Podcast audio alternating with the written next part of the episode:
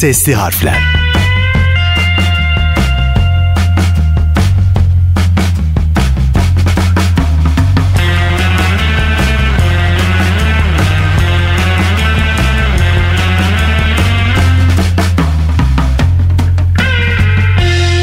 Selam herkese. Sesli harflerde ben Bahri Fedai. Her hafta bir icat konusu ele alarak günlük hayatta kullandığımız araç gereçlerin günümüze nasıl geldiklerine dair bilgileri sizlerle paylaşmayı sürdürüyorum. Ayrıca sesli harfleri Instagram'dan takip ederek paylaşımlarımıza ortak olmanızı da beklemekteyim.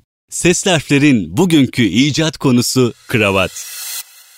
İlk olarak gençlikle birlikte eğitime başlarken giydiğimiz takım elbisemizin en önemli tamamlayıcısıydı kravat. Toplantılarda, konuşmalarda kravat takmamak büyük eksiklikti. Hoş karşılanmıyordu. Bireysel ve kurumsal ciddiyetin en önemli unsurlarından biriydi. Tabi şu an devir değişti, kravatlar gözden düşer oldu. Yazılı ve görsel basında yaka bağır açık gömleklerle konuşma son zamanların modası haline geldi. Erkeklerde değişik nedenlerle boyun üzerine takılan değişik ölçülerde aksesuar diyebileceğimiz kravat tarih öncesi dönemlerden beri bilinmekte.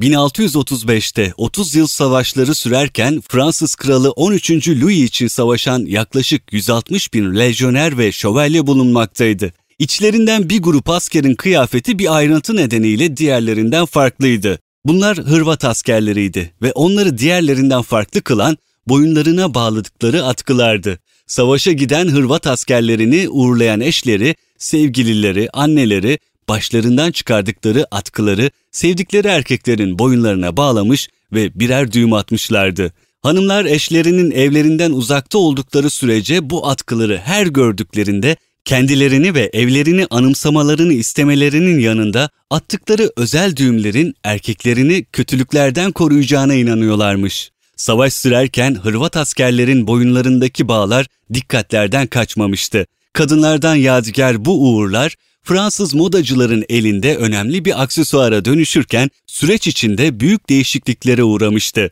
Savaşa giden Hırvat erkeğinin boynuna eşarbını bağlayan Hırvat kadınıyla sabah evden çıkarken eşinin kravatına son bir biçim veren kadın arasında büyük bir benzerlik bulunmaktaydı. Bu boyun bağları çeşitli kumaşlardan yapılmıştı. Sıradan askerlerin boyun bağları kaba kumaştan, subaylarınki ise kaliteli pamuk ve ipekten üretiliyordu. Daha önce Avrupa'da bilinmeyen bu şık Hırvat tarzı aksesuarlarına düşkün olan Fransızları hayran bırakmıştı. Antik çağlardan 6. yüzyılın ikinci yarısına kadar boyunlarını açıkta bırakmakta bir sakınca görmeyen erkekler Rönesans'la birlikte boynu çevreleyen yakaları keşfetmeye başlamışlardı. Bu yakalar 17. yüzyılda dantellerle renklenmiş ve modelleri çeşitlenmeye başlamıştı. 30 yıl savaşlarındaki kibar Fransız subaylar için bu Hırvat boyun bağlarının avantajı pratik olmasıydı. Beyaz tutulması ve dikkatlice kolalanması gereken dantel yakaların tersine bu boyun bağı fazla bir dikkate gerek duyulmadan basitçe boyna bağlanmaktaydı. Ayrıca kaliteli yakalar kadar şık olan bu yeni bağlar daha kullanışlı ve takılmasının kolay olması yanında askerlerin uzun ve sık saçları altında da görünebilmekteydi. 14. Louis'nin hükümdarlık sürdüğü 1650'li yıllarda Hırvat boyun bağı Fransa'da daha da önemlisi askeri aksesuarlara hayran olan Fransız mahkeme üyelerince kabul görmüştü. Kısa sürede modaya uygun alakuat yani Hırvat tarz deyimi Fransız diline hala var olan bir kelime olarak yani lakavat şeklinde girmişti. Bundan sonra kravat şıklık ve kültürün de sembolü oldu.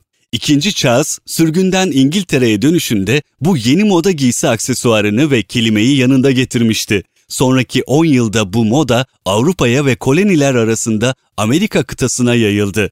17. yüzyıldan bu yana kuruvata kelimesinin türevleri birçok dilde boyun bağı anlamına girdi. Türkçe, İngilizce, Almanca, Portekizce ve İtalyanca da olduğu gibi. 1974 yılında M.Ö. 3. yüzyılda yaşamış olan Çin İmparatoru Qin Shi Huangti'nin mezarı açıldığında moda tarihini de gözden geçirme gereği doğmuştu. Huangti'nin mezarı çevresinde gerçek insan boyutlarında 7500 asker heykeli figürü bulunmaktaydı. İmparator dahil her askerin taşıdığı bu aksesuar akla sorular getirmekteydi. Aynı dönemde Romalıların da özellikle soğuk mevsimlerde sefere çıktıkları zaman benzer bir yolla boyunlarını kapattıkları bilgisi de eklenince boyun bağının tarihçesi sarsılmıştı. İlk bakışta görünen boyna takılan atkıların soğuğa karşı alınmış bir önlem olduğuydu. Ancak Çin kültüründeki bir inanış bu basit açıklamayı da havada bıraktı. Çin kültüründe ademcik kemiği bedenin önemli merkezlerinden biri olarak kabul ediliyor ve yaşam enerjisinin çıkış noktası olarak görülmekteydi. Bu bağcıklarla da bu önemli organ korunmuş oluyordu. Değişik bilgiler olmakla birlikte boyun bağlarının 30 yıl savaşlarında popüler olduğu kabul edilmekte. O güne kadar ruf adı verilen bir yaka kullanan Fransızlar, Çinli askerlerin boyunlarına taktıkları eşarpların koruma amacı yanında dinsel ve kültürel bir temeli olabileceği ihtimalini de gündeme getirmişlerdi. İkinci Dünya Savaşı kravatlarda kullanılan kumaşlara yeni alternatifler getirmiş, geleneksel doğal ipeğin yerini yapay ipek almıştı. 1827 yılında Fransız roman yazarı Honoré de Balzac ilk kez literatürde kravat kullanımının estetik prensiplerinden bahsetmişti. O zamanlar kravat dikdörtgen veya kare yapıya sahip olup herkes kendi zevkine göre bağlamaktaydı. 19. yüzyıla kadar Avrupalı erkekler ülkelerinin geleneklerini temsil eden farklı ebat ve düğün formlarına sahip kravatlar kullanarak özel bir görünüme sahip olmayı başardılar. Popüler kravat modelleri o dönemde İtalyan kravatı, Amerikan kravatı, İrlanda kravatı gibi üretildikleri ülkelere göre adlandırılıyordu. Çeşitli düğün formlarıyla da resmiyet, sadakat gibi konular kravatla sembolize edildi. Farklı tür ve düğün formlarına sahip kravatlar, kişiliği ve kravatı taşıyan kişinin sosyal statüsünü belirliyordu. Şimdi de bu aksesuarın ülkemizde ne zaman keşfedildiğine kısaca değinelim. Ülkemizde Osmanlı İmparatorluğu içinde kravat kullanan ilk padişah Sultan Abdülmecit olarak biliniyor. Kravat batılılaşma hareketi içinde aydınlar arasında yer buldu. Padişahın tercihleri doğrultusunda da devlet dairelerine girdi. İhtiyat ve terakki aydınları da kravat takmaya özel bir önem vermişler. Cumhuriyet döneminde kravat, bağımsızlığın ve devlet adamı anlayışının önemli sembollerinden biri olarak görüldü. Mustafa Kemal Atatürk ve arkadaşlarının siyasi düşüncelerinin en önemli sembollerinden biriydi kravat. Cumhuriyet ilanı ve kılık kıyafet devrimiyle birlikte Anadolu'da da yaygın bir şekilde kullanılmaya başlandı. Kravat, Cumhuriyet yurttaşı olmanın en önemli sembollerinden biriydi. Bizim kültürümüze kravat yenilenmenin, cumhuriyetin ve devrimlerin simgesi olarak girdi. Uzun ve tartışmalı geçmişiyle kravatın günümüzde yaklaşık 650 milyon kişi tarafından kullanıldığı tahmin ediliyor. Otoriteyi, ciddiyeti, sorumluluğu temsil ettiği gerekçesiyle 60'lı 70'li yılların başında önemli ölçüde eleştirilmeye de başlanmış.